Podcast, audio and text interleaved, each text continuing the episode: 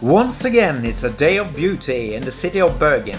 You are listening to Podcast by Bunny, and let me tell you, We're out of cheese. it sure is a fine day. Could be better if a fridge spread open and invited me for cheese.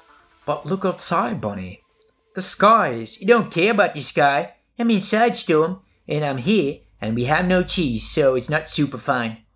Well, maybe it's not super fine day for some of us, but we're still alive and kicking. Yeah, kicking someone you soon yes in the nuts.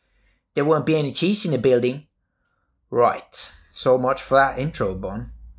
Anyways, we're super excited about meeting you guys in today's podcast show. Because we are. What, what are you doing, Bunny? S- stop it. Bunny, what the fuck? It's punishment. I am the Punisher Bunny this morning. Put away the water gun, Bunny. You may get water on a sound mixer. It's dangerous. Sound mixer? You mean that old mobile lying there on the table? Put it away, Bunny. It's not funny. Yeah, you're no fun. And you're out of cheese. So, Bunny, summer topic. What's the hot and trending and up for discussion here in Podcast by Bunny today? Cheese? Other than cheese. Yeah. I guess I found something on the internet. It says, Dancing in the rain. I see. Cute. That's something you want to do. Hell no. But it would be fun watching you doing it and I could film it with my fisheye lens and put it out on Insta. You know all this talk about climate changing, Bonnie. Stop it. Stop it now. I mean it. Seriously, Bonnie. yeah, yeah, yeah. It's just so fun, you know. climate change. Go on, Storm. I'm listening. Well, I've been thinking I want to start a new food regime in our house. What do you mean? Let's become vegetarians, like 100%. For real? Vegetarians? We're gonna die, Storm. True, but being vegetarians might help. you hear? get that going soon, maybe. I still have nightmares about that zucchini lasagna you made.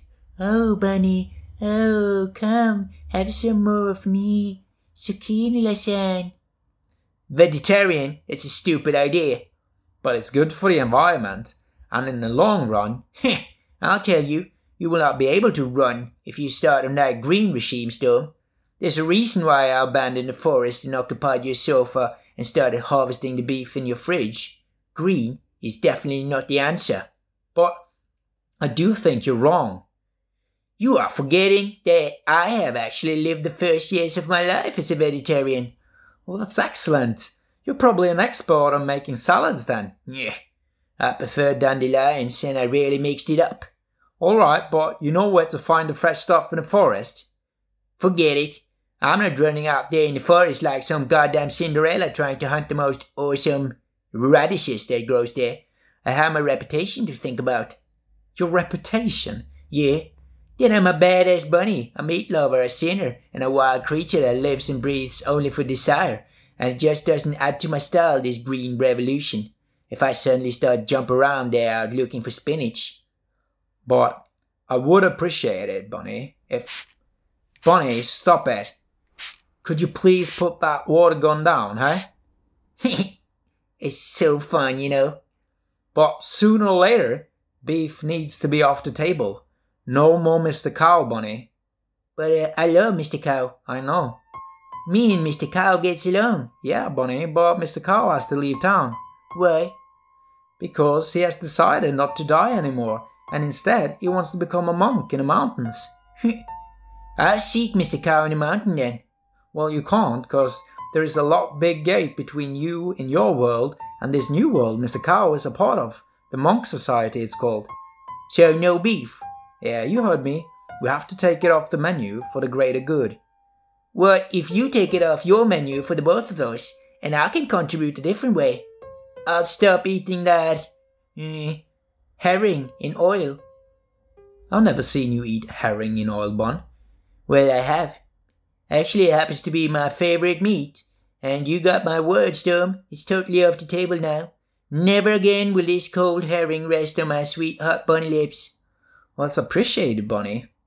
Anyways, climate change. We can do something as living creatures and we can all contribute. Also bunnies. Wait, wait. food revolution is necessary and we need to take action. So let's help each other. I'll definitely stop with that herring in oil. I promise you, Storm. Well, we're grateful for that, Bon, but I do believe we are due to our commercial break now. Let me do it, Storm, since I just had a slice of beef for breakfast and I still have the energy needed for this important task. you have been listening to Podcast by Bunny, best podcast in city central Bergen, Norway. We might not live the most environmental friendly lives yet, but we are working on it, one step at a time. Next show will start with giving you recycled jokes from Storm, because we all love the things that are recycled, even your ex girlfriend. It's good for you, and it's good for me, the animal. Think about the bunny. Smell you later, guys.